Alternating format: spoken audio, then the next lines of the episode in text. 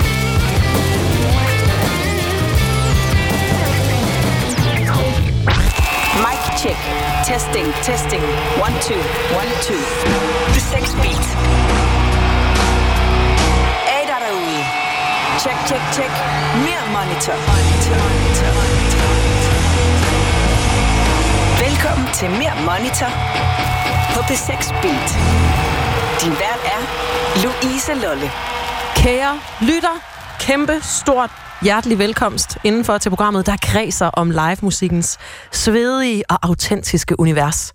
Forrige søndag, der var jeg til en koncert, der rev mig fuldstændig rundt i kærlighedens navn.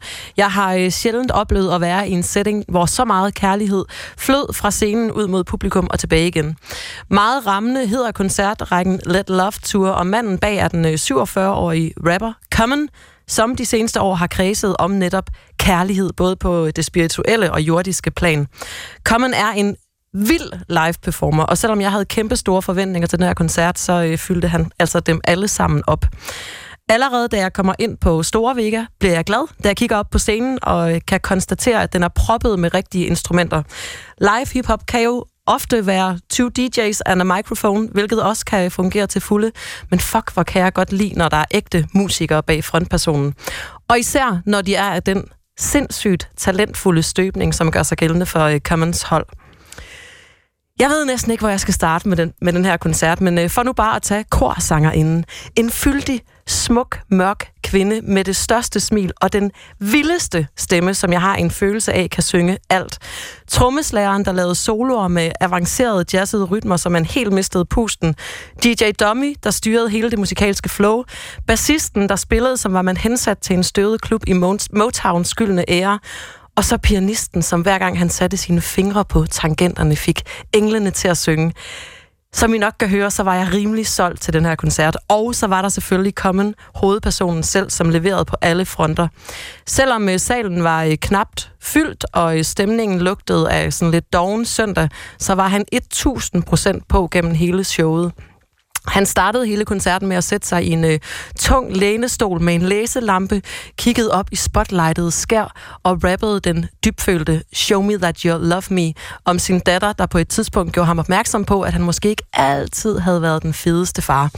Det har han så taget til sig, og han slutter sangen af med blandt andet nogle ord fra sin datter. Dad, let your action be your loudest speaker, and now my daughter is now my teacher. Herefter fik vi et skønt potpourri med sange fra både hans 30 år gamle bagkatalog og også nye sange fra hans seneste Let Love-album. Common er også teatralsk, og øh, hvis man ikke er til det, kan man måske synes, at han øh, indimellem overdriver budskaberne og præsentationerne en kende. Men jeg fucking elskede det, og jeg kan øh, sige, at jeg bestemt ikke har set Common for sidste gang. Efter den her koncert, der var jeg fyldt op med kærlighed og nærvær på den helt rigtige måde. Kære lytter, jeg håber at kunne give dig nærvær Måske kærlighed, hvem ved, de næste par timer, hvor vi skal bevæge os videre i live-musikkens landskab. Om lidt med P6 Beatlytteren Nikolaj Jul, som kommer ind og fortæller om nogle helt særlige koncerter. Og så skal jeg også senere i programmet snakke med Fribytterdrømme, som øh, står over for deres efterårs tur med spritnyt album i bagagen. Det bliver pissefedt, og jeg glæder mig. Og jeg synes, at vi skal lægge ud med at høre musik fra manden, der øh, fyldte Vega med kærlighed for nyligt. Her er det Common med sangen, han altså har skrevet om og til sin datter, Show Me That You Love Me.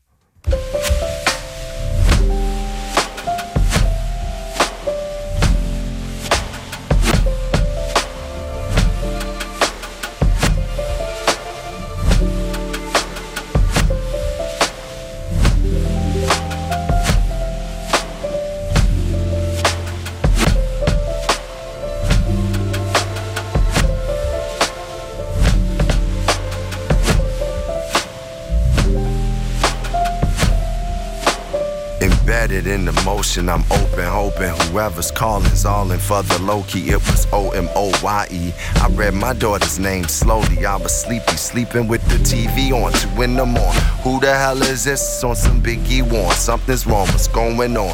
You should be undercover swarm. Is there a thunderstorm? Someone done you wrong? Words stumbled on. She mumbled on. Something's on. Oh shit, she lit a habit. She got legit. We talked a bit truthfully. I was tired, youthfully. She was high with her friends. I said, bye quick. The phone collided with my sleep again three minutes later. But there's another layer. She said I didn't care. She said I wasn't there when she was younger. Summer tour buses wasn't enough to show what love is. She said I did things that a dad doesn't, and that she had questions. If I'm a good father, why all the bad judgment? I'm looking past judgment, about to ask something, but she was bag busting. Inside I'm mad cussing, inside I'm sad, dusting off my pride. I thought that I did protect and provide, and I'm a father that's live. What about the rides with you in the backseat? You telling me if it's a whack beat? I came to a few track meets. Weekend movies, I got you tickets to Lil Uzi. Truly, I tried. She said, It's the things that you didn't do, not what you did. It hurt her spirit when she saw me with another woman's kid. Peeled back and thought to love her, I gotta listen. Now, love in action is the new vision. She said, Dad, let your actions be your loudest speaker. And now my daughter is now my teacher with love. Show me that you're there. Show me that you care. I've you don't wanna share. I've been looking for you, here and over there. Will you stay around this time, or should I be prepared? Show me that you're there. Show me how you care. You like to come around here. You know actions right? Show me that you love me.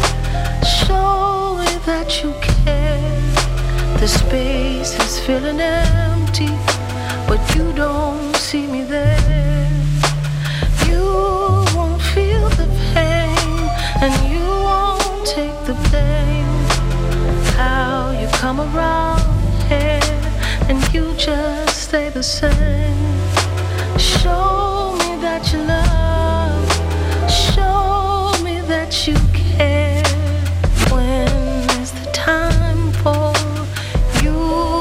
Pull a chair and tell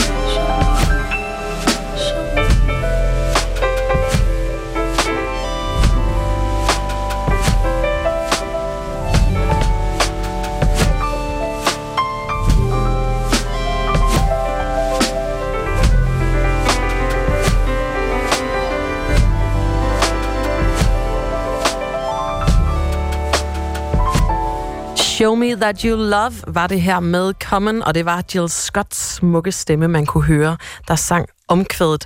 Her i Mere Monitor-studiet har jeg nu fået besøg af P6 Speed-lytter Nikolaj Jul. Velkommen til, Nikolaj. Tak skal du have. Dejligt, du vil komme. Tak fordi jeg måtte.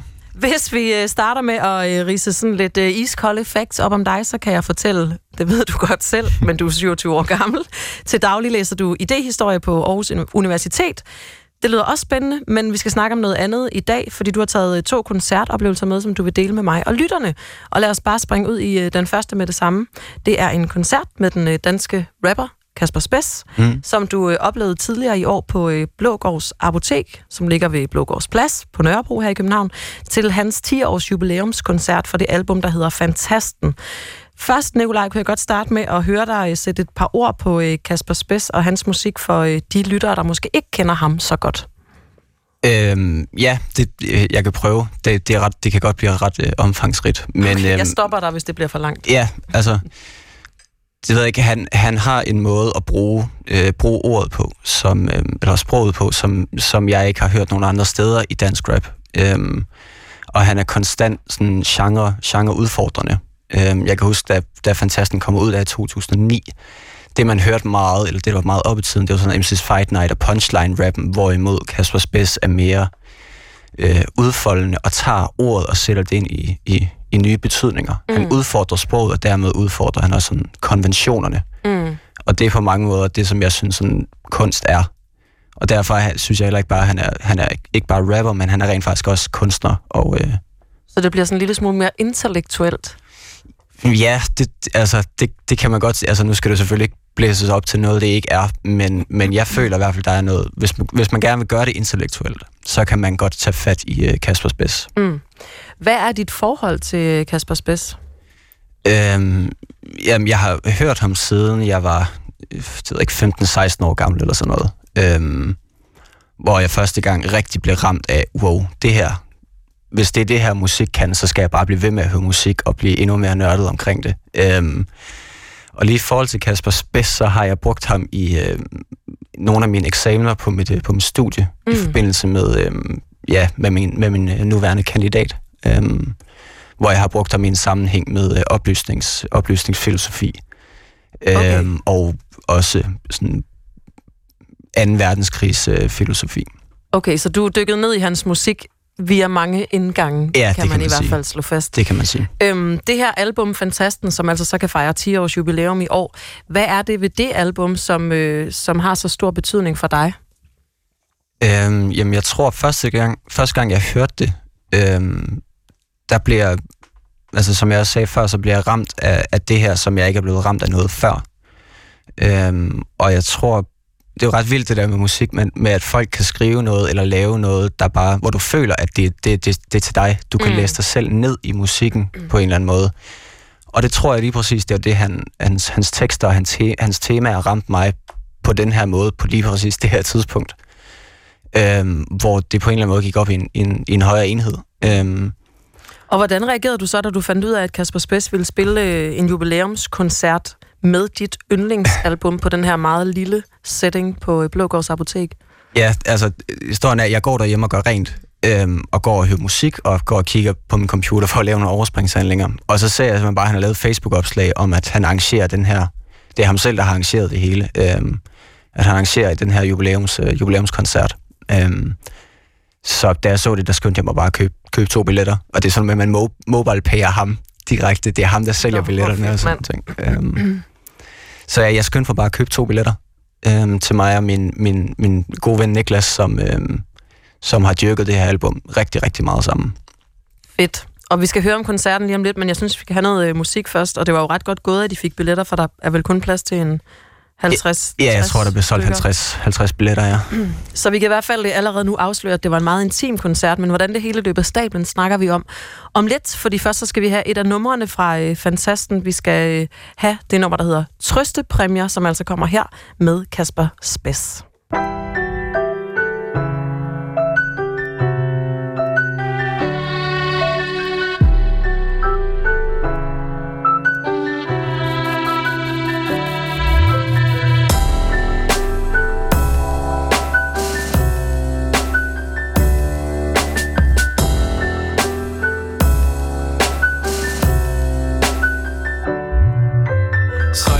kender det umiddelbare liv og prøver at leve mit eget. Med hænderne begravet i rusen af bagsiden af medaljen. Hænger med en skyggeflokke med kriger i svæggule farver. I evig ynkelig kamp i vennernes dal Hvor de glemte stopper med at skrige på et tidspunkt. Det er først der vi forstår det gør ondt. Mens vi går repeat-knappen i bedene hele året rundt.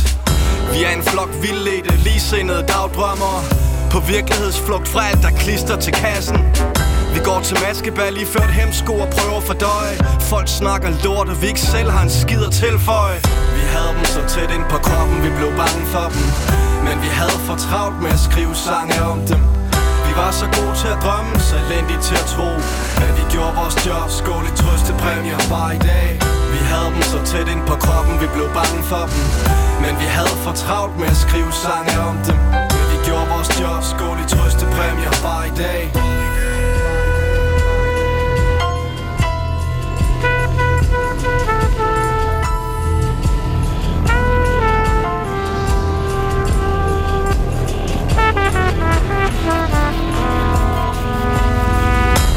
Vandet under min bro blev til guld, jeg kan veksle Til et par gode stunder fremover sammen en, jeg kan. Jeg vil ikke have nogen undskyldning, mærkedag, whatever. Jeg vil danse til den fest, hvor bandet spiller vores sang på repeat. Så lad os fikse lidt navitet og lege vi ligeglade. Om vi så skal pusse vores glorier med vin fra Søndegade Lad mig kigge, søge, elske, noget jeg kan bygge videre på. Noget jeg kan mærke ud den lange finger, vi skal give verden for selvfrakken, den ligger lige til højre benet Og den smager og lugter så tragikomisk gang på gang Så lad os finde hinanden i modern verden. Bluetooth, flop affære Skål med mig, kys mig, fordi du ikke kan lade være. Vi havde dem så tæt ind på kroppen, vi blev bange for dem. Men vi havde for travlt med at skrive sange om dem. Vi var så gode til at drømme, så elendige til at tro. Men vi gjorde vores job, skål i trøstepræmier bare i dag dem så tæt ind på kroppen, vi blev bange for dem. Men vi havde for travlt med at skrive sange om dem. Vi var så gode til at drømme, så elendige til at tro. Men vi gjorde vores job, skål i trøstepræmier bare i dag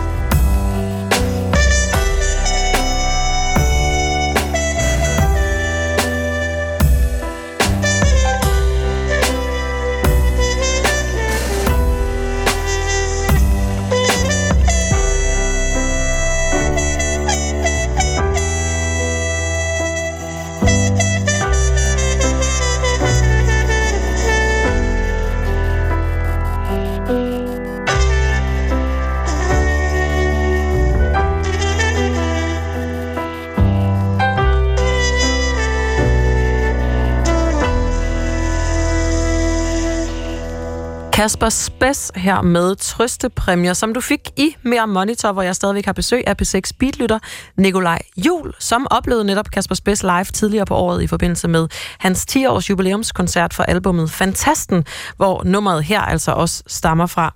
Før Nikolaj, der talte vi jo om dit øh, forhold til Kasper Spes og det her øh, album Fantasten, som er dit øh, yndlingsalbum, og som altså fejrer 10-års jubilæum i år, og i den anledning anledning gav Kasper Spids en meget intim øh, jubilæumskoncert på Blågårds Apotek tidligere på året.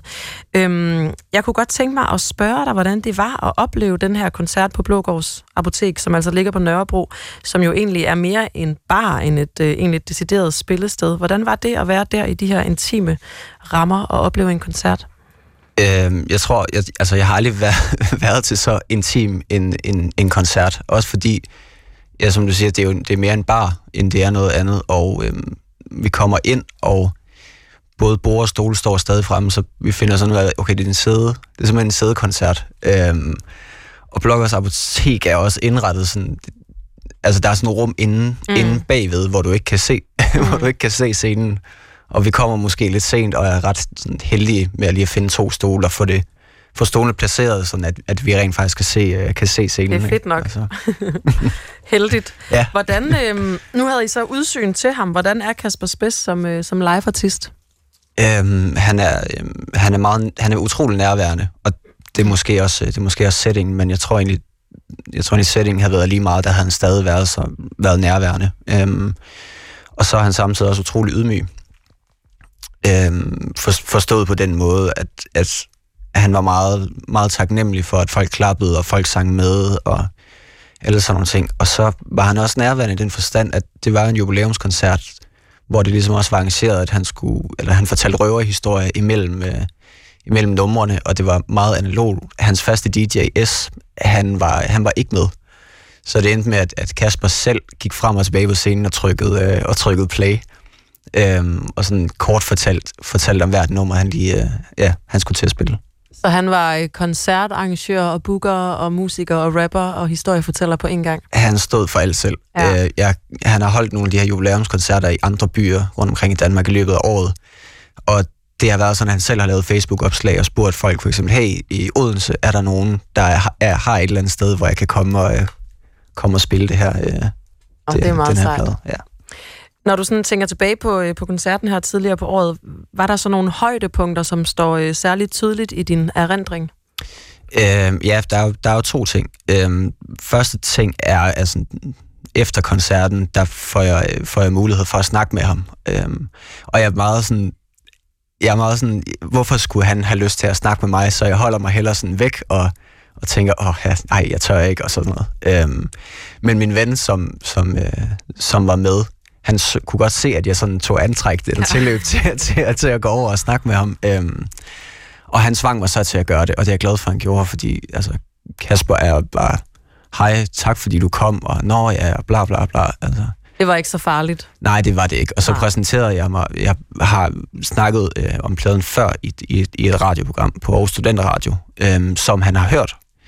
Øhm, og så var han jo sådan, Nå, det er dig, der har lavet det, og det er jeg meget, meget glad for, at du har, og du ved, sådan nogle ting. Optur. Så det var totalt, det endte jo med at være totalt nede på jorden, selvom jeg var meget, øh, Ærefrygtelig til Ja, at starte med. præcis, Ja. ja. præcis. Øhm, hvis vi skal tage fat, fat i et andet højdepunkt, så øhm, fik jeg nævnt, han, han, øh, han lavede introduktioner til alle numrene, Ja. fortalte historier. Og så der var det her nummer, der hedder, der hedder Mona, øhm, hvor jeg aldrig rigtig har forstået konteksten og meningen med det før, men det fortalte han så, ligesom hvad, hvad det var, han, øhm, der havde inspireret ham til at skrive det her nummer. Mm. Og det der, det, der var sket, det var, at han havde siddet øh, i sin vindueskarm i sit øvelokale på Gamle Kongevej, tror jeg det var. Øhm, og der havde han brugt mange nattetimer, mange dagstimer også. Øhm, og der over, øh, altså over for øvelokalet, der er der en lejlighedsopgang, hvor han altid ser en kvinde, som man kan kalde øh, en skæv eksistens. Mm. Øhm, der går op, op og ned ad den her gade, ud fra lejlighedskomplekset, op til kiosken, op på hjørnet, og så, øh, og så tilbage. Øhm, og så fortæller han historien om, at han øh, tilfældigvis har mødt hende nede i kiosken. De skulle ned og hente tobak begge to, eller sådan et eller andet. Øhm, hvor det er noget med, at, at hun er svagt gående, så han hjælper hende sådan hen til, til opgangen og sådan nogle ting, og hun tilbyder ham nogle penge for at have hjulpet ham, og øh, du ved, alle sådan nogle ting, ikke? Øhm, og fortæller, at han havde, han havde fuldstændig glemt at spørge om hendes navn. Øh, så det ender med, at han selv går hen til dørtelefonen og kigger, okay, hun hedder Mona. Og så skrev han så teksten. Så den han så teksten. Ja, okay. øhm, om, ja, sådan tematisk er det jo den her skæve, skæve eksistens, som ingen rigtig forstår og ikke rigtig du ved, kan sætte pris på. Mm. Men det er alligevel det, han formår at i sine tekster, det her med sådan at, at gå ind i andre personers, øh, personers steder og forsøge at beskrive, hvordan, øh, hvordan han tror, de har det. Øhm, Jamen altså, øh, med de ord er der jo ikke nogen øh, bedre præsentation, end øh, at, øh, at ligesom få øh, til at få sat nummeret i gang nu. Vi skal selvfølgelig høre Mona med øh, Kasper Spes, og øh, med det nummer forlader vi også denne her koncert. Nikolaj, det har været fedt at høre dig fortælle om den, og du har en koncert mere, som vi skal snakke om senere, men først skal vi altså høre det her nummer om den her lidt skæve eksistens, som øh, Kasper Spes oplevede og observerede på Gammel Kongevej for noget tid siden. Her er det Mona med Kasper Spes.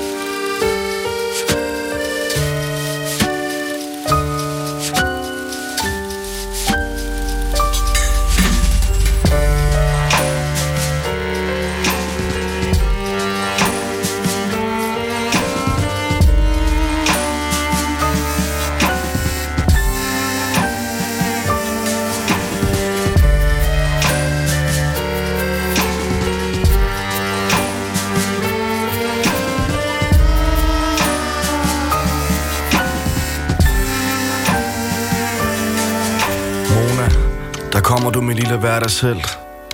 Med så imponerende et fokus I det imponerende røde slørede blik.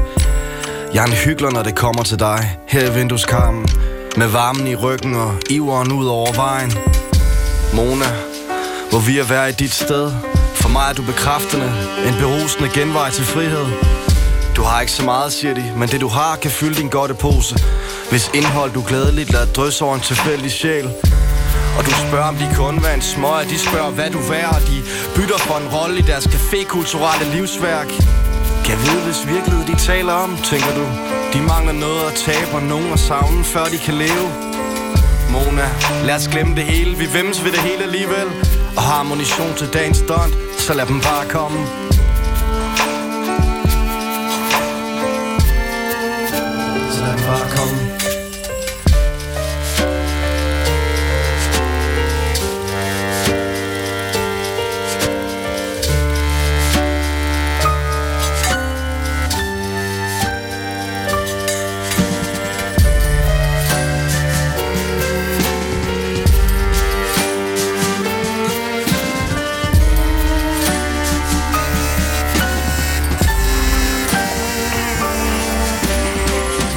Nyder at se dig, når de tager dig for givet, Mona. Når du med døde øjne og åbne arme griner dem ned ad gaden. Og ser dem dingle for et selvbundet med et fundet blik. Og først der tænker de, måske skulle vi have Og en dag er du væk, Mona Og jeg savner dig allerede. Mit ligesindede pusterum Jeg savner dig allerede. Og jeg håber, jeg altid kan mærke dine øjne i nakken Når jeg falder til og falder i deres mange planer for mig. Mona, hvor vi at være i dit sted. For mig er du bekræftende. En berusende genvej til frihed. Du har ikke så meget, siger de, men det du har kan fylde din godte pose Hvis indhold du glædeligt lader drysse over en tilfældig sjæl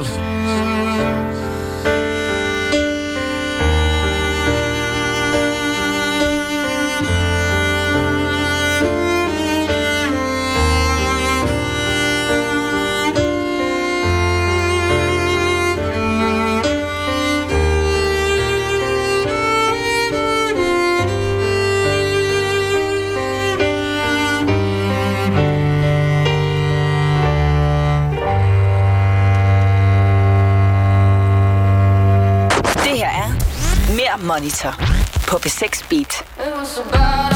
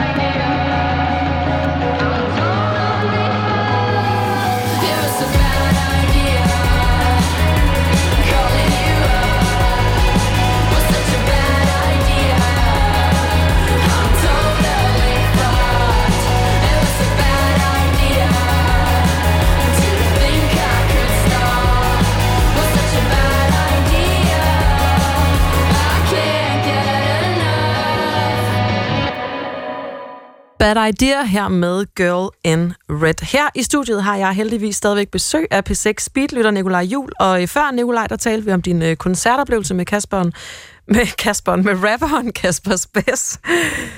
Nu skal det handle om noget andet. Et andet live minde, som du har med til os i dag. Vi skal spole tiden tilbage til 2016 på Roskilde Festival, hvor du oplevede den øh, engelske elektro punk duo Sleaford Mods på øh, Avalon-scenen. Hvad øh, betød Sleaford Mods for dig på det her tidspunkt tilbage i 2016? Øhm, på det her tidspunkt, der havde jeg hørt, øhm, på det her tidspunkt, der Key Markets, deres tredje album, øh, har jeg lyttet til rigtig, rigtig meget. Øhm, men før det, altså min svoger, det var min svoger, der præsenterede mig for Sleaford Mods, øhm, og han havde spillet Austerity Dogs for mig. Øhm, og jeg ville meget godt lide energien, men jeg tror først, det var ved Key Markets, jeg sådan rigtig fattede, at wow, det her, det er ekstremt fedt. Og hvad var det øhm, i det? Hvad var det i musikken, der ligesom greb dig? Jamen, det er egentlig bare, at det, det, var, så, det var så benhårdt, og så konstant, øh, konstant konfronterende, og så konstant øh, energisk. Mm. At, altså, når jeg lyttede til det, kunne jeg ikke være med at blive grebet af stemning, og sådan, jeg kunne mærke, at mit adrenalin steg, hvis jeg sådan, gik og hørte det i mine, i mine høretelefoner. Og de har den her dejlige, fede accent også, som ja, det er også, det, er godt igennem. det er også en del af det, ja. De er kun to i bandet, øh, Jason Williams og øh, Andrew Fearn, øhm, og deres setup består alene af en øh, mikrofon og en laptop. Hvordan fyldte de den her sådan relativt store scene ud? Øhm, jamen, jeg synes egentlig ikke, det var, noget, det var egentlig ikke noget problem, at de kun var to og et relativt øh, simpelt setup. Øhm, men det var også fordi, jeg havde ikke, jeg havde ikke set live-videoer øhm, af dem, før, øhm, før jeg ligesom tog, tog til koncerten der på Avalon. Øhm, og det gjorde egentlig også, at jeg konstant, jeg havde konstant what the fuck moment. Okay. Altså, jeg var hele tiden, jeg var hele tiden nysgerrig, jeg var hele tiden overrasket. Sådan, wow, kan man, kan man overhovedet det her? Øhm, også fordi, øh, ja, det er jo det er en mand og en mikrofon, øhm, og så en med en computer, der bare trykker play på den mest skrællede laptop i hele verden, og står på tre ølkasser, og står bare og drikker øl bajer imens. Altså, det var, det var, det var, bare, det var bare så smadret, synes jeg. Men det, det fungerede. Det var ikke sådan, man tænkte, det der, det skulle for, for lavse til sådan en scene.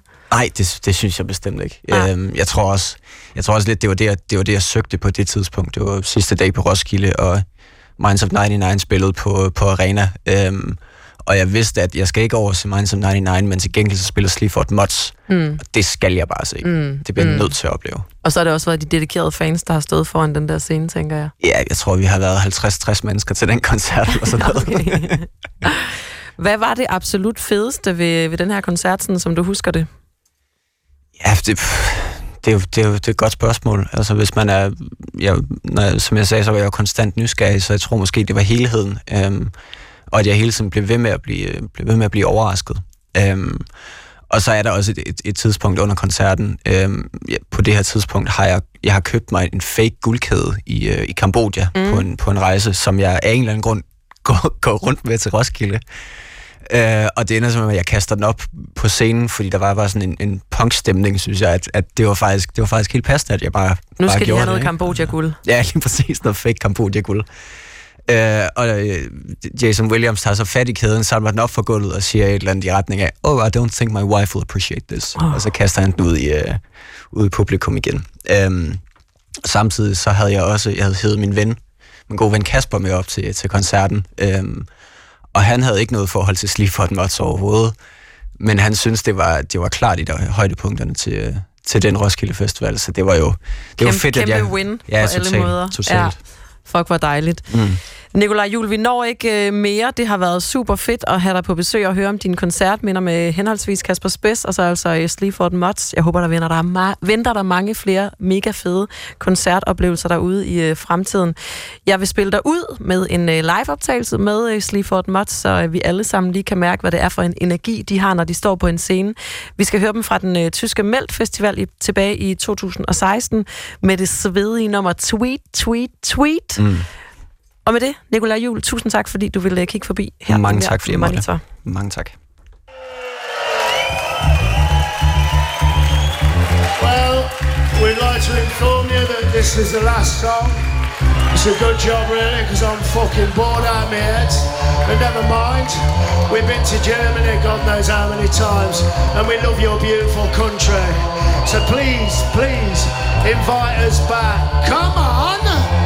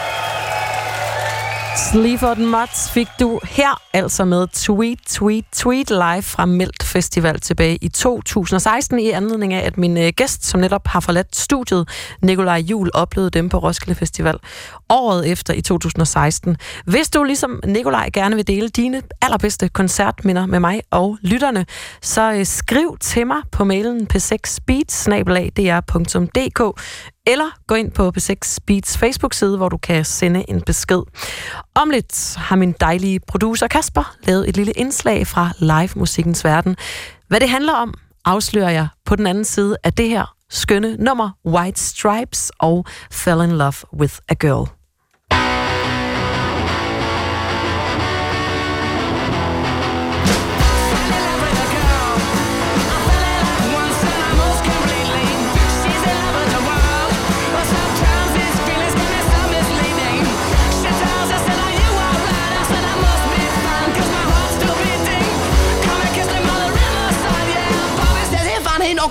Consider it cheating now.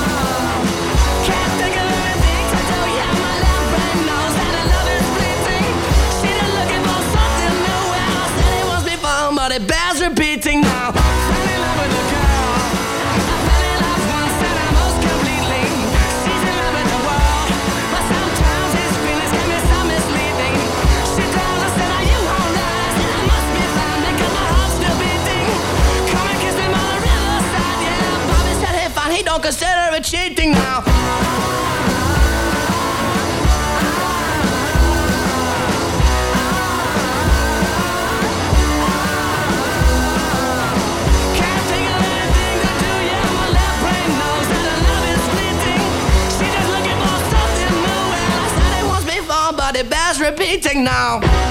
White Stripes hermed Fell in Love with a Girl.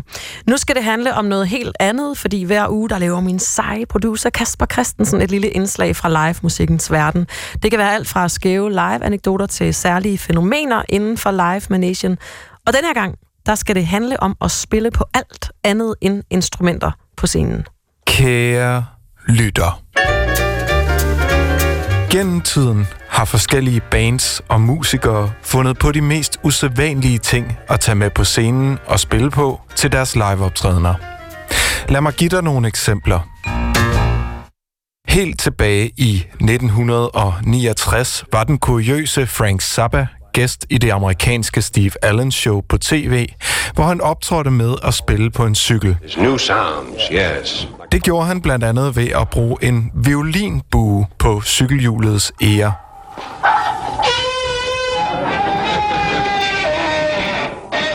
Senere tog et af de tidligste psykedeliske rockbands, nemlig The 13th Floor Elevators, over og optrådte med at spille på en såkaldt electric jug, der slet og ret er en tom kande i ler, som man kan spille på med summende læber for at skabe en trombonelignende tone.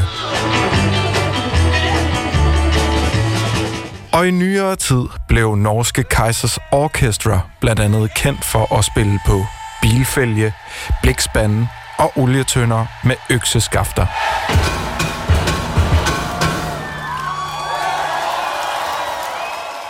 Både Frank Zappa, The 13th Floor Elevators og Kaisers Orchestra slap sådan set meget godt fra at spille på ting, der ikke umiddelbart hører ind under kategorien instrumenter. Men sådan skulle det ikke gå i den historie, som jeg vil fortælle dig om i dag. Vi skal to år tilbage i tiden, nemlig tilbage til 2017, hvor den kære Noel Gallagher og hans band The High Flying Birds optræder på BBC-programmet Later with Jules Holland. Med sig på scenen har han den klassiske besætning, altså guitar, bas, trommer og keyboards. Men ude i venstre side af scenen står der en kvinde og spiller på køkkensaks. Ja, du hørte rigtigt. En køkkensaks. Og der går selvfølgelig ikke længe før, at lillebror Liam opdager den lille gimmick og tyr til sin virtuelle legeplads, Twitter, hvor han sarkastisk skriver Jeg søger en, der kan skralde nogle kartofler live på scenen i aften til den her koncert, jeg skal spille i Bethnal Green.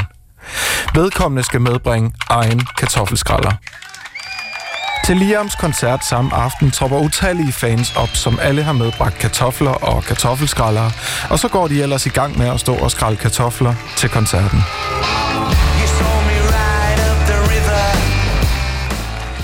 I en kort periode bliver kartoffelskraldningen lidt af en ting til Liams koncerter, og senere samme år ser den engelske Parklife Festival i Manchester sig nødsaget til at bandlyse og medbringe kartoffelskraldere, og i øvrigt også alt andet skarpt køkkengrej, som eksempelvis køkkensakse, til sommerens festival. Ja, så selvom det måske på papiret kan være en meget god idé at spille på en gammel gummistøvle, planeklipper eller hvad man nu ellers skal finde på at slæbe med op på scenen, så er det altså ikke altid, at det bliver en stor succes. Ja, altså selvom det kan være øh, fedt nok at prøve nogle øh, forskellige ting af, så er det altså også bare ret fedt at holde sig til noget elspade, keys, bas og trommer. Det går man ligesom aldrig galt i byen med. Om lidt kære lytter, så er der en dukfrisk radiovis klar til dig. Men inden vi når så langt, skal vi selvfølgelig have et live-nummer med Oasis fra dengang, de ikke bekrigede hinanden med køkkengrej. Her skal du have Champagne Supernova live fra Wembley Stadium i London i år 2000. Champagne Supernova.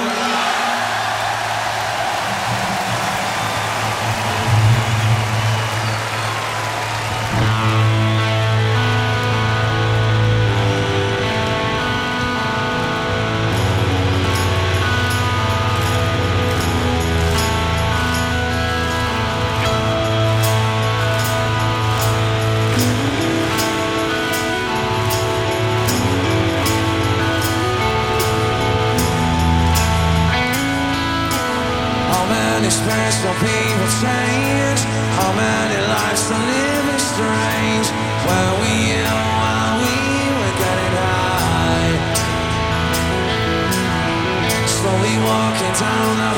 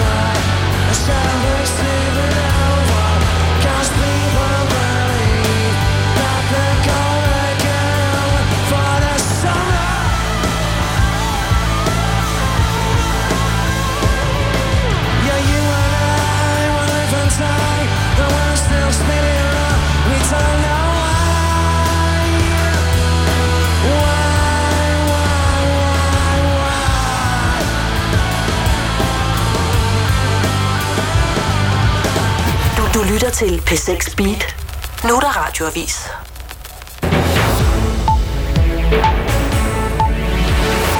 Regeringen dropper nu endegyldigt planerne om et udrejsecenter på øen Lindholm. Det har udlændingeminister Mathias Tesfaye netop meldt ud her i eftermiddag.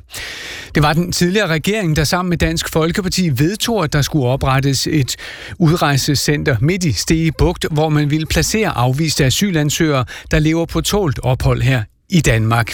Men det kommer altså ikke til at ske alligevel, og det har du bestemt, Mathias Tesfaye. Hvorfor lægger du nu endegyldigt de her planer om Lindholm i graven? det er for dyrt, og jeg tror ikke på, at det virker. Vi har nogle kriminelle udlændinge, som skal ud af landet heller i dag end i morgen. Øh, og i dag har vi et system, som koster samfundet næsten 1000 kroner om dagen at have i. Men øh, det her Lindholm-projekt, det vil koste næsten 3000 kroner per person per dag. Det er alt, alt for dyrt. De penge kan vi bruge bedre Jamen, på vores men handler det kun om og på at sørge penge? for, at folk faktisk bliver sendt ud. Handler det kun om penge? Handler det ikke også om en ordentlig løsning? Altså, hvor skal de ellers være? Jamen, det handler ikke kun om penge. Det handler om, at vi skal have en politik, som sikrer, at de her mennesker rent faktisk rejser ud. Og jeg er ikke overbevist om, at øh, det her Lindholm-projekt vil få en eneste mere til at rejse ud. Og så er det jo bare spild af penge. Så hvis det virkede, øh, så var jeg sådan set indstillet på at bruge de her penge. Jeg tror bare ikke på, at det virker, og så er det spild af penge. Og øh, jeg frygter, det var noget, øh, som skulle få en finanslov til at glide igennem, mere end det var noget, der skulle løse problemerne. Men hvad er det for en løsning, du forestiller dig? Undskyld, den skal lige have igen. Hvad er det for en løsning, du forestiller dig i stedet for? Ja, indtil videre, så bor de her mennesker eller de bor ikke, de skal melde sig på et center over i Midtjylland, der hedder Kærshovedgård, og det var den tidligere regeringsplan, at de skulle flytte over på Lindholm i 2021, så vi har jo lidt tid at arbejde i, og øh, i den tid, der vil vi øh, gøre alt, hvad vi kan for at styrke, at folk enten frivilligt rejser hjem, og hvis ikke de vil det, så skal vi sikre, at der er en centerstruktur og et øh, system, som understøtter, at øh, de bliver presset så meget på maven, at de selv har lyst til at flytte hjem. Lød det fra Mathias Tesfaye. Vi når desværre ikke mere. Tak skal du have. Politiet i Hongkong har mishandlet og torteret en del af de 1.300 demonstranter, som er blevet arresteret i forbindelse med de seneste måneders protester mod regeringen. Det fremgår en ny rapport, som Amnesty International har offentliggjort her kl. 18. Og med os har vi nu Trine Christensen, der er generalsekretær i Amnestys danske afdeling. Og hvor udbredt og hvor systematisk er det, at Hongkongs politi har mishandlet de her anholdte demonstranter? Jamen det vi finder, det er, øh, altså det er desværre, at det er meget udbredt. Det er særdeles udbredt. Øh, vi har set, at øh, næsten alle dem, vi taler med, de materialer, vi har kunne indhente, tyder på, at når man under bliver anholdt, så sker det også med brug af overdreven vold. Også selvom man allerede er blevet lagt i håndjern. Og under stationen, øh, og når man så først er kommet i, i, øh, i politiets varetægt, så sker der altså også jævnligt tortur og mishandling der. Det materiale, I har fået fat på, siger du, altså hvordan kan vi være sikre på, at I har ret i, i det, der fremgår af den her rapport? Jamen, vi har interviewet øh, en række anholdte, omkring 22 anholdte, og så har vi fået øh, både øh, nogle øh, materialer øh, og, og øh, øh, udtalelser fra advokater, fra sundhedspersonale, som kunne bekræfte, at de ting, som de anholdt fortalte os, faktisk var rigtige. Altså, vi har kunne se på deres øh, sygerapporter, at de har fået de brud, som mange af dem har, har fået under øh, anholdelsen. Flere af de læger, vi talte med, sagde, at de brud, de så, kun kunne være kommet, fordi det var blevet banket. Det var altså ikke noget, der kunne ske, hvis man bare var faldet. Lød det fra Øh, Trine er derfra. Christensen. Undskyld, jeg afbryder dig. Vi når desværre ikke mere. Tak skal du have, fordi du var med. Tak. Vi skal nemlig lige nå at få med seneste nyt om Nets, for konkurrencemyndighederne får nu bedre indblik i, hvor de gebyrer, vi betaler for regninger over betalingsservice, egentlig bliver af. Det er konsekvensen af en bred politisk aftale, som blev indgået på Christiansborg i dag. Og det er et markant indgreb over for de aktører, der tjener penge på betalingsfirmaet. Det vurderer deres nyheders erhvervskorrespondent Kasper Skrøder. Politikerne de siger til konkurrencemyndighederne, værsgo, nu har I kortere mandat til at gå ind og undersøge net, og hvis I finder nogle urimelige priser, når I har kigget på omkostninger, udgifter osv., ja, så kan I påbyde net at sætte priserne ned. Og det er altså nyt, det er et ret øh, hårdt træk fra politikerne. Gebyret på de 4 kroner 32 øre kommer hver gang vi bruger betalingsservice, og det har været udsat for voldsom kritik de seneste uger fra både velgørende øh, og faglige organisationer, og nu griber politikerne altså ind. I aften og i nat, der bliver det mest skyet, og sidst på natten kan der også komme lidt regn mod vest. Temperaturer kommer ned mellem 6 og 12 grader og svag til jævn vind fra vest og nordvest. Radioviserne den her eftermiddag var redigeret af Anne Mette Philipsen. God aften. Velkommen til, til B6 Beat.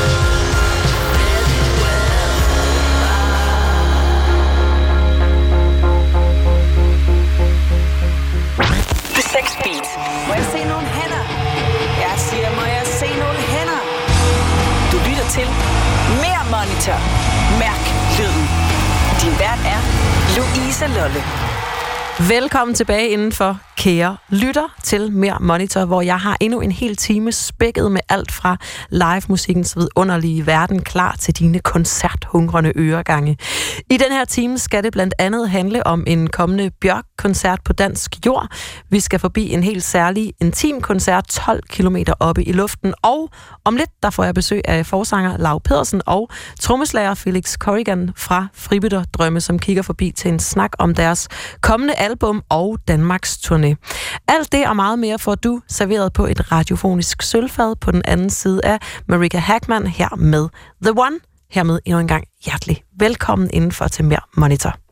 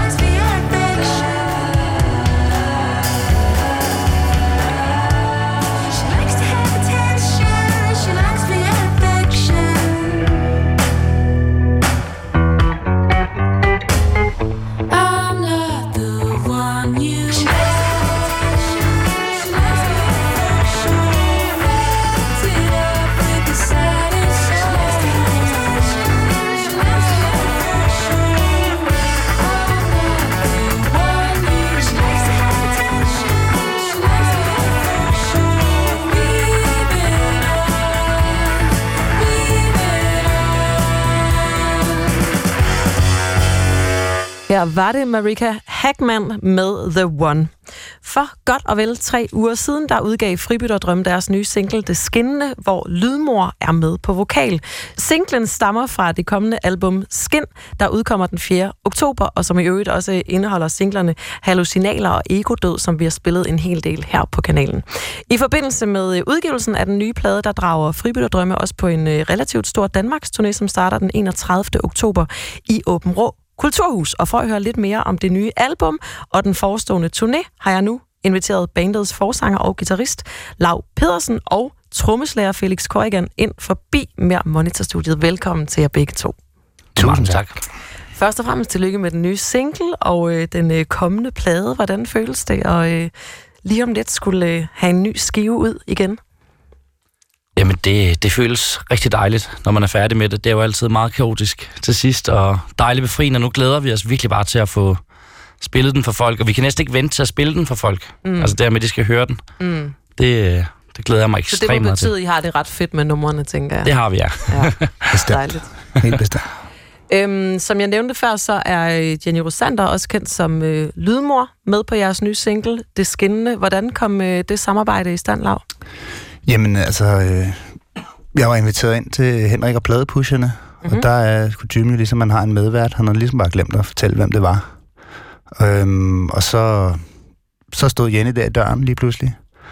Øhm, og vi har kort mødtes til, at vi spillede, hvad hedder det, Rock- og Koncerthuset mm-hmm. i januar. Men, øhm, men så sad vi der i det studie, og, øh, og af en eller anden årsag kom vi til at snakke om David Lynch øh, i programmet. Øh, og så kaster Jenny sig ud i at, at synge et par linjer fra Blue Velvet, som bliver, så bliver brugt i den Mm. film. Ikke? Mm. Øhm, og der tænker jeg, wow, sygt nok. Altså, jeg var ikke specielt bekendt med hendes musik. Øh, men der, jeg, jeg faldt bare for hendes stemme, tror jeg. Det var rigtig smukt.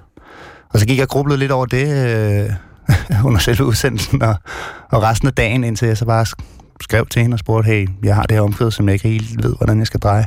Ja, Har du ja. lyst til at prøve at skrive noget på det? Og så, Og så sagde hun bare ja. Ja, det vil jeg gerne. Bare send det til mig. Okay, fedt. Genialt. Øhm. Øhm. Og nogle gange er øh, tilfældig, tilfældighedernes spil jo bare det bedste. Ja. Øhm, når man hører øh, de nye singler, og især øh, den sidste her, så, øh, så er det som om, I har bevæget jer lidt mere væk fra den klassiske rockform. Det er mere sådan et fast beat og mere dansabelt udtryk. Hvordan synes I selv, at I sådan har udviklet jer rent musikalsk, også i forhold til den kommende plade, Felix? Øh, jamen, jeg tror altid, vi har haft en... Ja, jeg ved ikke, om jeg vil kalde det en regel i bandet, men at der er aldrig noget, der må begrænse os. Mm. At det, er det vi har lyst til at spille, det spiller vi. Så vi er ikke et psych-rock-band, som man fik stemplet som i starten, eller Ja. bla bla bla band. Vi er bare et, et, ja, et dansksproget band, Mm. tror jeg egentlig godt bare, jeg vil definere os som. Ikke? Mm. Mm. Altså at, og så er det det her slags musik, vi måske har haft lyst til at lave denne gang, og så ved man aldrig, hvad der kommer næste gang. Mm. Eller næste gang igen, eller hvad. Altså, det er simpelthen bare... Og den er også lidt skizofren, den nye plade. Øhm, der er også nogle, heldigvis noget rockmusik på.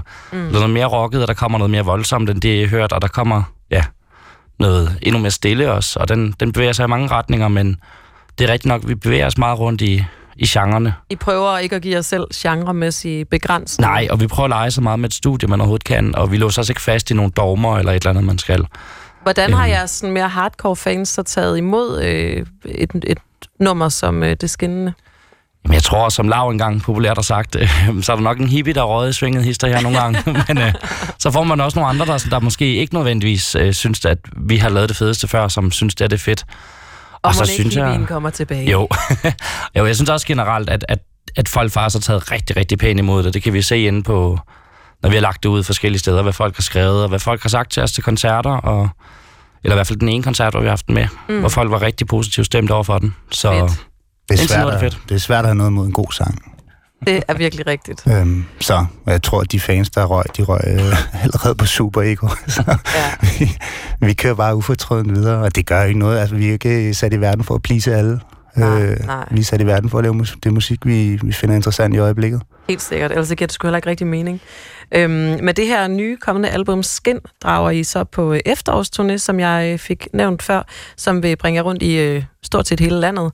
Hvordan går det med øh, forberedelserne til turnéen, Lav? Og vi er ikke helt startet endnu. Vi har taget fat på at, at øve de nye numre op. Øhm, men, øh, men vi tager det hårde, øh, det hårde slid her i løbet af oktober, når vi ligesom har overstået release-datorerne, eller datoen. Øh, vi skal lige rundt til noget, øh, hvad hedder sådan noget, indstår i forskellige af de, de store byer. Mm. Øhm, og så tager vi rigtig fat i det, fordi så har vi lidt, lidt stillstand, øh, hvor vi bare kan hygge os i lokalet og, og holde vores produktionsøver osv. osv.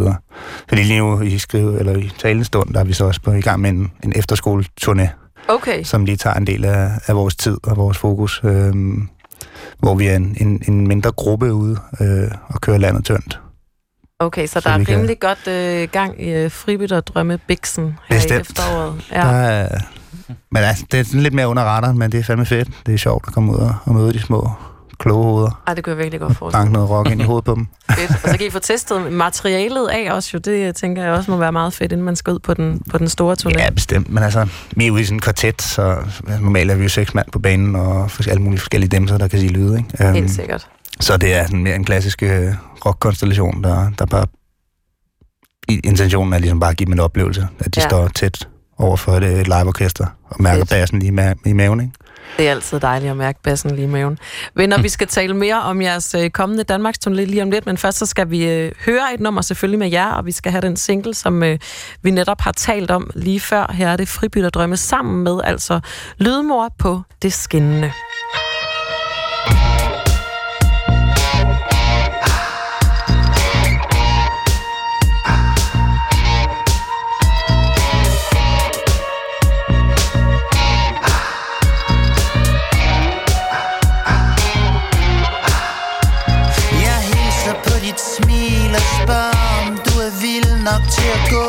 Lidt i eksil.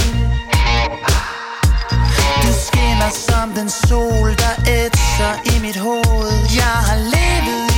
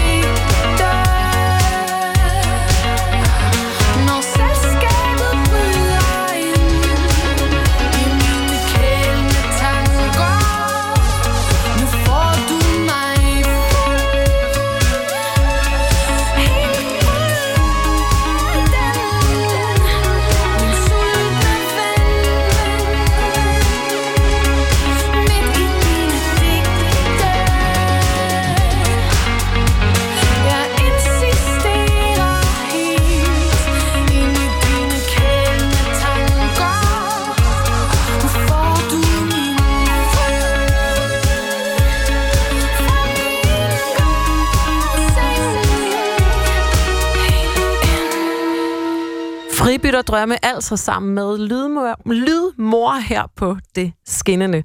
Og jeg har heldigvis stadigvæk øh, besøg her i studiet af to af de personer, der er med i Fribytterdrømme, nemlig gitarrist og forsanger Lav og trommeslager Felix.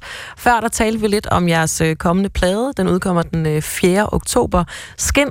Men øh, sidst i oktober, der øh, starter I også på en øh, turné rundt i landet, som øh, vi skal tale lidt om nu. Hvordan først og fremmest, Lav, er det at skulle ud og spille nye sange for et publikum, som ikke nødvendigvis har øh, hørt dem særlig mange gange før? Øhm, ja, altså, i gamle dage, hvis man kan sige det sådan, der tog vi jo vores nye numre med på landevejen, før vi havde udgivet dem. Mm. Altså, og ligesom testet dem af der. Øh, det var ligesom kutume med det. Øh, så, jeg ved ikke, altså, ja, det, det, det er en lidt ny situation, at ligesom skulle øve, øve, et, øve en plade op, som vi primært har, har lavet i studiet. Heldigvis, så, øh, så altså tre af numrene ligesom ude, ude for inden hallucinal og ego død, og nu også det skinnende, ikke? Øhm, så på den måde er der, er der kommet lidt ud, og så har vi allerede taget to numre mere med på landevejen og spillet hen over sommeren. Så vi har ligesom fået taget hul på det. Altså, der er ni numre på pladen, så vi er over halvvejs. Det skal nok gå. Perfekt. øhm, så jeg tror, altså vi har en måned til at, at lære det sidste af det, vi gerne vil have med. Der skal også være plads til noget, nogle klassikere og, mm. og så videre. Ikke? Øhm, mm. Men øh, det kommer helt klart til at koncentrere sig om at skulle ud og spille, spille skin. mm, mm.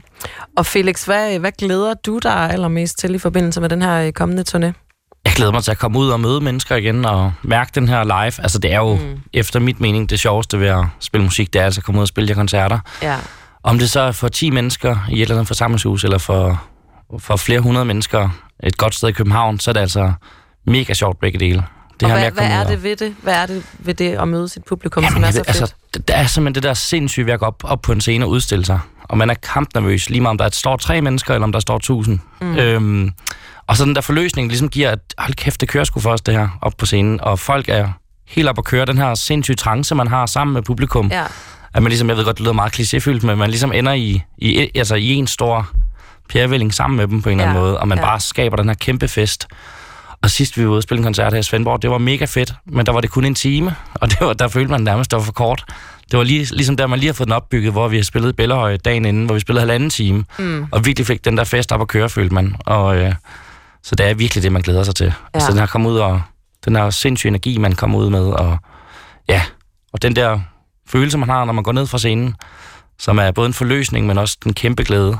Altså, Hvad gør ja. I, når I går ned fra scenen? Hvad er I for et slags band? Fester I løs, eller? Ja, det gør vi nok lidt. Altså, bruger fem minutter, og så er vi nok også lidt kedelige det der med, at vi har også sådan, ah, vi skal fandme også lige op og pakke ned og hjem efter. Bruger lige 5-10 minutter for en, en øl og en smøg, og så... Ja. Så, så halv fest og halv fornuftig. Ja, vi er ikke nok rige, rige god nok til at ansætte nogen til det endnu, desværre. Lad os satse på, at det kommer. Ja. Lav, øh, hvad kan man forvente øh, som publikum? Har I nogle overraskelser med i ærmet her til den kommende turné? Nej. Det er bare straight up. Det er straight up bangerfest, altså. Konfetti. Er I sådan nogen, der, er I sådan nogen, der ligesom øh, meget en til en øh, spiller numrene, som de lyder på pladen, Nej. eller omarrangerer I meget, eller hvordan er det? Altså, vi omarrangerer ikke øh, sådan rent strukturmæssigt i sangene, øhm, men, øh, men vi omsætter det, det udtryk, som for eksempel en sang som Det Skinnende eller Ego Død har på plade, eller en, en indspillet version, omsætter vi til, en- til noget, der man kan sige en, en mere rocket udgave, i og med det er, det er live, mm. hvor der er ligesom elektricitet til, sat til, til alle tingene. Mm. Øhm, og det har vi altid sådan, altså det er aldrig gået så meget på, det der med at skulle spille det en til en, øh, i forhold til sådan at lave vores studiearbejde. Det har det gjort for mange år siden, det er ligesom, men det er nogle, nogle helt andre årsager. Men det der med så at tage det ud, så, altså, vi er jo ikke kommet ud for at spille, bare spille pladen, vi kommet ud for at lave en, en live-koncert, mm. og det, det er det, der ligesom er formålet med at tage på turné. En ting er, en anden ting er også at spille sangene for folk og så videre, ikke? Men så det er ikke bare, at man skal kaste det hele over bord, og det kommer vi heller ikke til. Selvfølgelig kan man genkende det og sådan noget, men, men man får da helt klart et større tryk, tror jeg, mm. til, i, i vores liveudgaver af numrene. Mm. Øhm, så Og Felix, øh, her til sidst, så øh, kunne jeg godt lige tænke mig at slutte med at spørge, hvad, hvad sådan dine eller jeres øh, forventninger er til den her kommende turné skal på. Oh, ja, forventninger. Altså, vi, ja, vi har selvfølgelig forventninger om at kunne spille nogle af de her nye numre. Vi håber på, at det bliver taget godt imod. Øh, ja, vi forventer vel også, at der kommer en masse glade mennesker mm-hmm. og ser os, og vi, ja...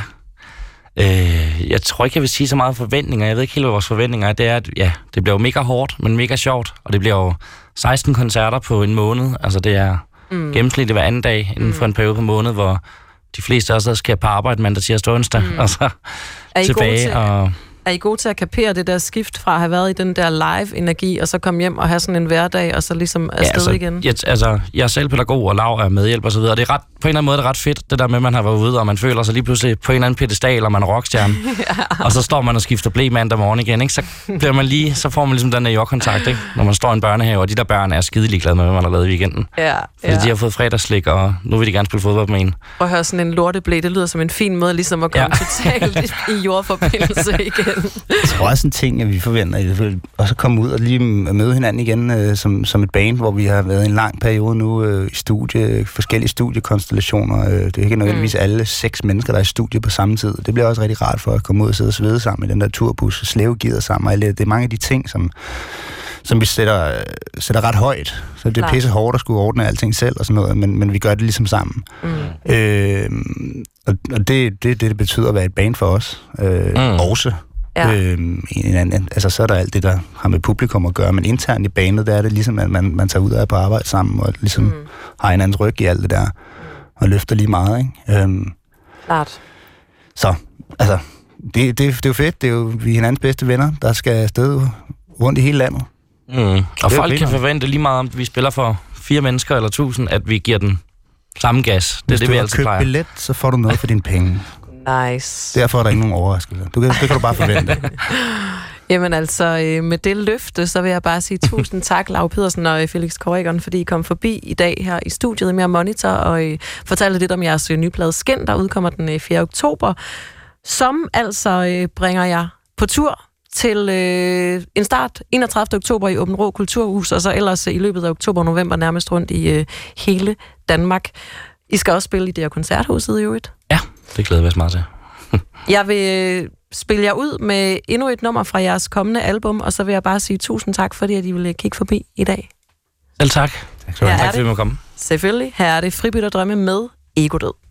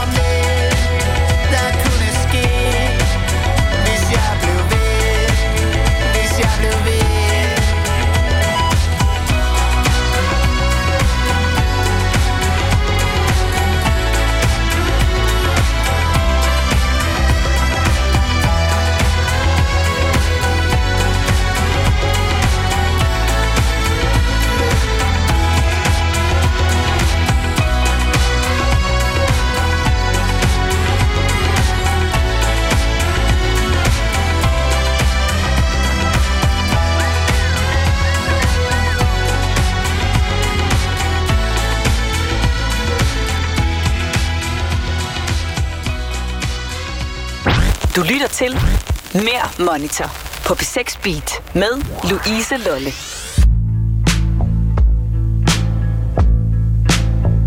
The police met the plane. They let you finish your meal. I know you'd like to believe it, baby, but you're more kid than Chris. Just a boy who could not get to a domestic flight without lighting up in the restroom. Got cold cloud of smoke, thumb still on the light. You look so proud. Couldn't wait to call friend. We had to fly back home. Never got the money back for that weekend. Right there on the Sydney tarmac, I threw my luggage down.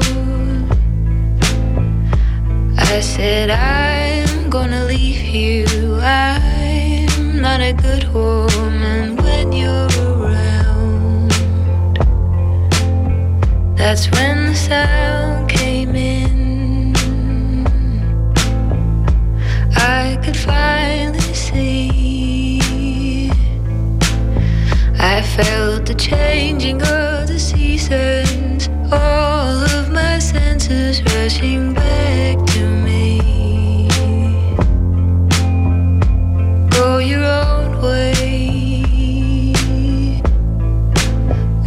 me turn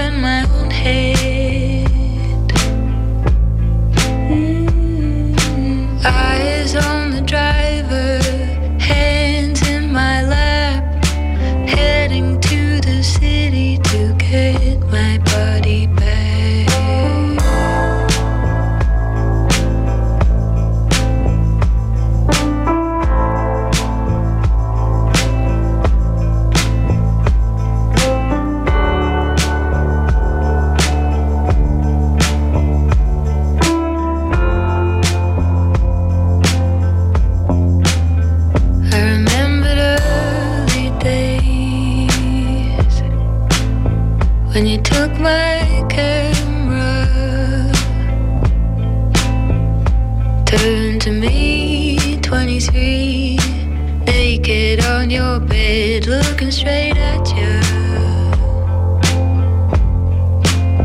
Do you still have that photograph? Would you use it to hurt me?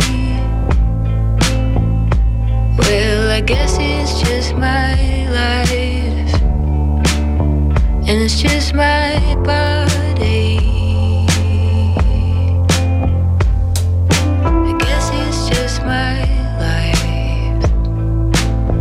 It's just my body. I guess it's just my life, and it's just my body. I guess it's just my life, and it's just my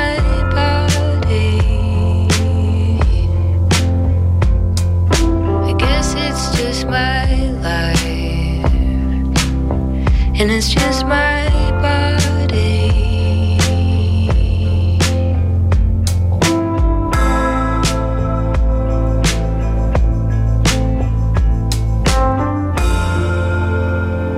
Julia Jacqueline her med Buddy.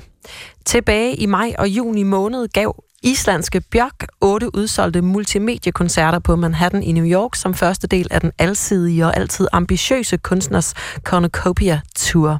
I august fortsatte turnéen til Mexico, og her i efteråret vender turnéen så til Europa, hvor Bjørk blandt andet lægger vejen forbi Royal Arena på Amager her i København den 5.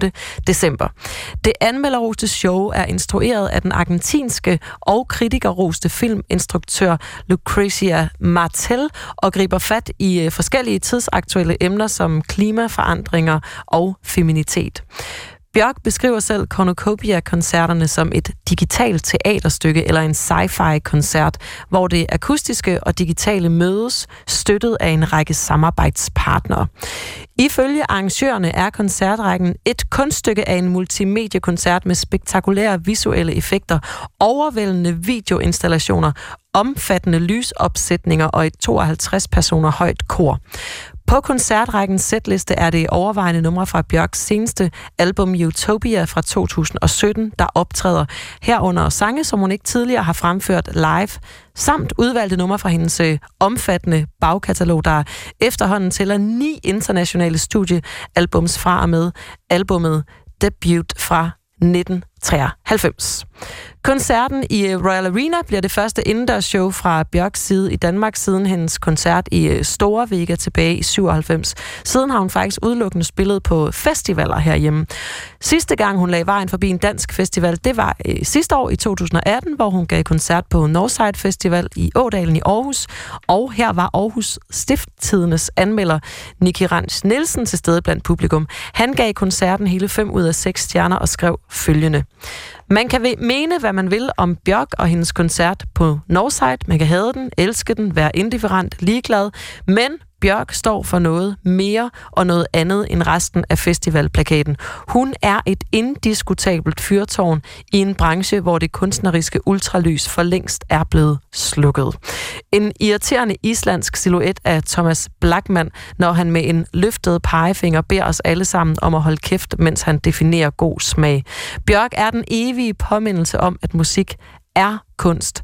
En stor, fed fuckfinger til mainstream-industrien, pakket ind i en rød plastikblomsterdragt. Peel of the Layers, som hun synger i nummeret Wanderlust, og det var præcis det, vi skulle skralde lagene af for at forstå, for at nyde, for at opleve. Skrev altså Aarhus Stifttidens anmelder Nicky Rans Nielsen, og mund ikke multimediekoncerten i Royal Arena vil blive en mindst lige så stor påmindelse om, at musik er kunst, når Bjørk lægger vejen forbi Danmark den 5. december. Jeg kan næsten ikke forestille mig andet, og jeg har indløst billet og glæder mig sindssygt meget til det her multimedie musik kunstarrangement. Til at varme op til Bjørks første danske indendørskoncert i øh, 22 år, så skal vi selvfølgelig høre en live-optagelse med hende. Du får Bjørk live fra Schweiz tilbage i 98 med den udødelige klassiker Human Behavior.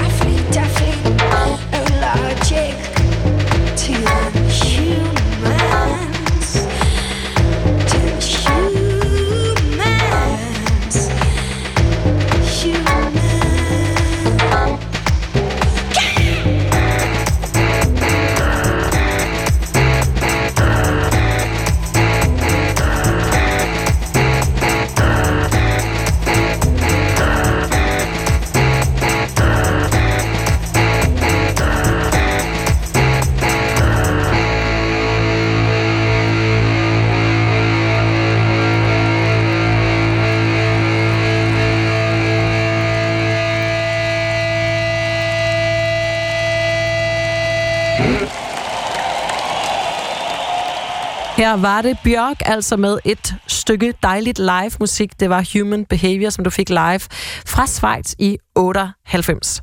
Vi tager endnu en øh, live-indspilning med det samme. Det er et nummer, der kommer fra øh, sidste år på Roskilde Festival.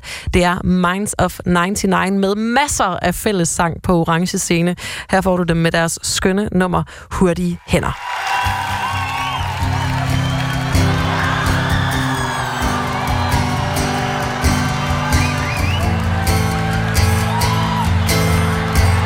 Har I lyst til at synge en sang sammen med mig?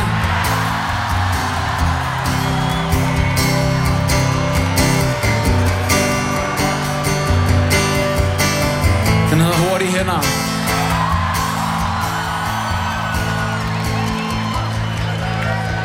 Noget er på vej Ikke i rute, med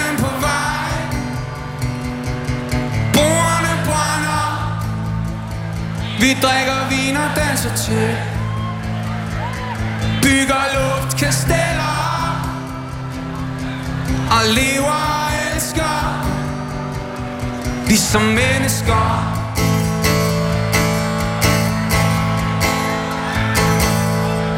Du er bekymringsløs, det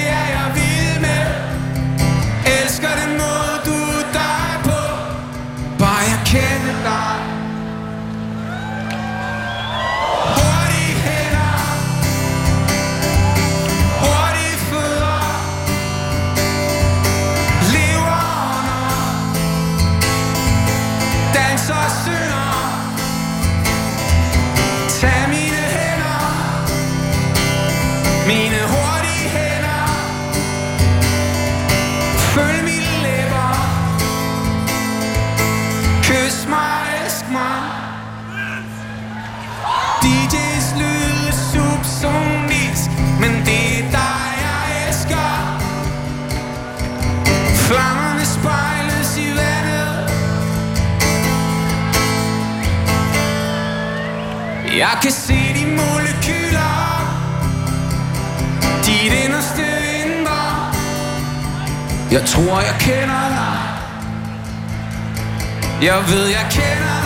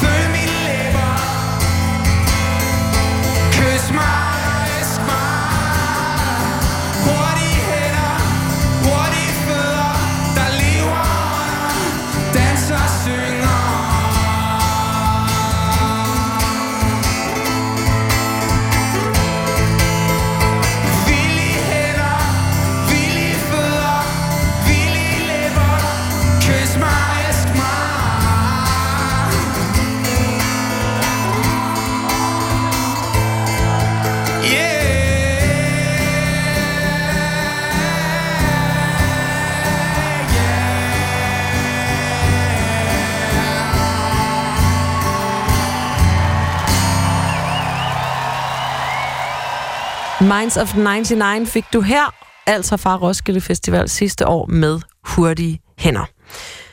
Hvis man ikke har set den øh, fantastiske musikdokumentar om danske Kashmir med titlen Rocket Brothers, så er det med at få det gjort. Det er en fantastisk fortælling om øh, bandets kamp om at finde sig selv på ny og lave efterfølgeren til succesalbummet The Good Life fra 1999.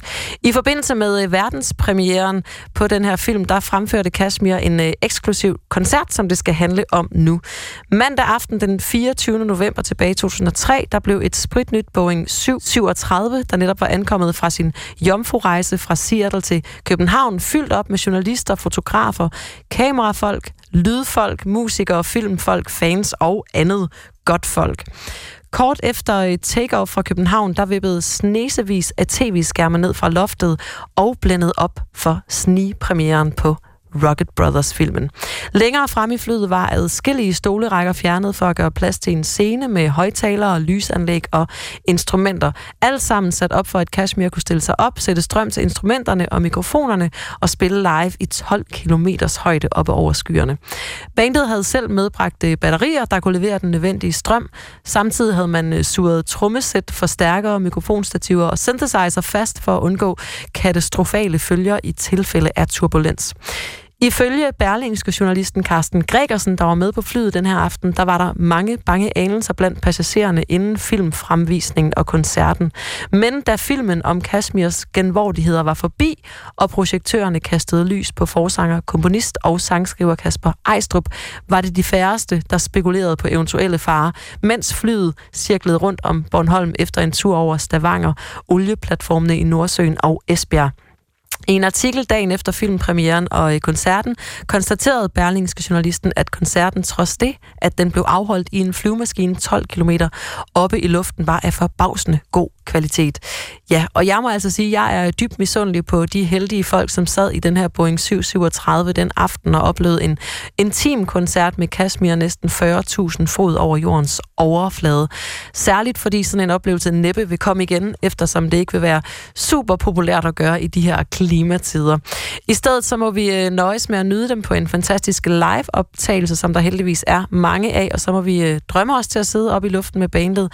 Til at slutte denne her uges mere monitor af med, skal vi høre Kashmir med Small Poem of Old Friend live fra Store Vega tilbage i 2004. Og med det, kære lytter, tusind tak, fordi du lyttede med til denne her uges udgave af Mere Monitor.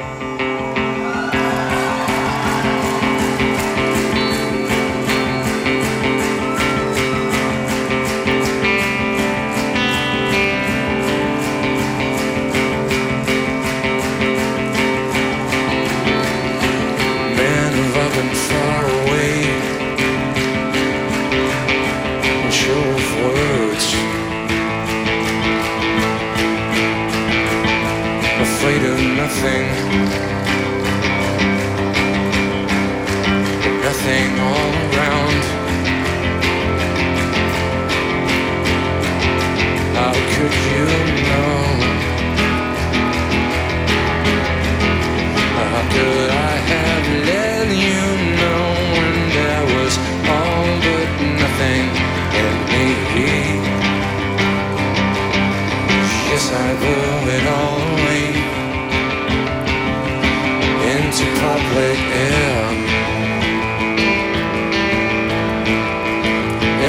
right in front of me. It was almost there. How could they know?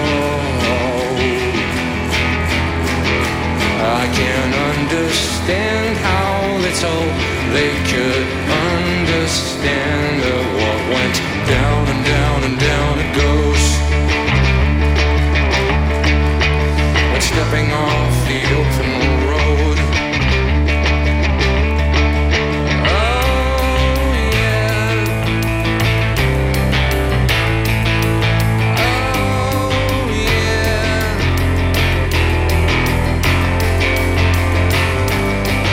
You've been spreading good, my friend. your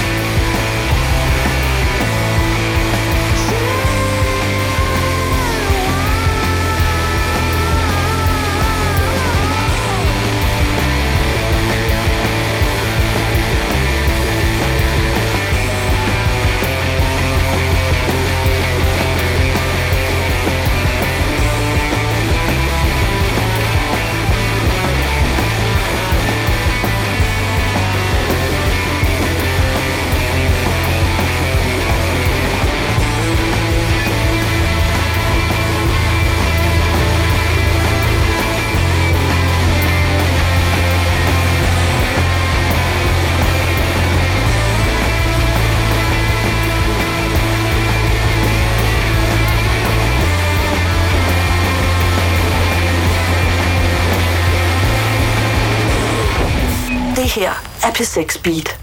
Her er radioavisen.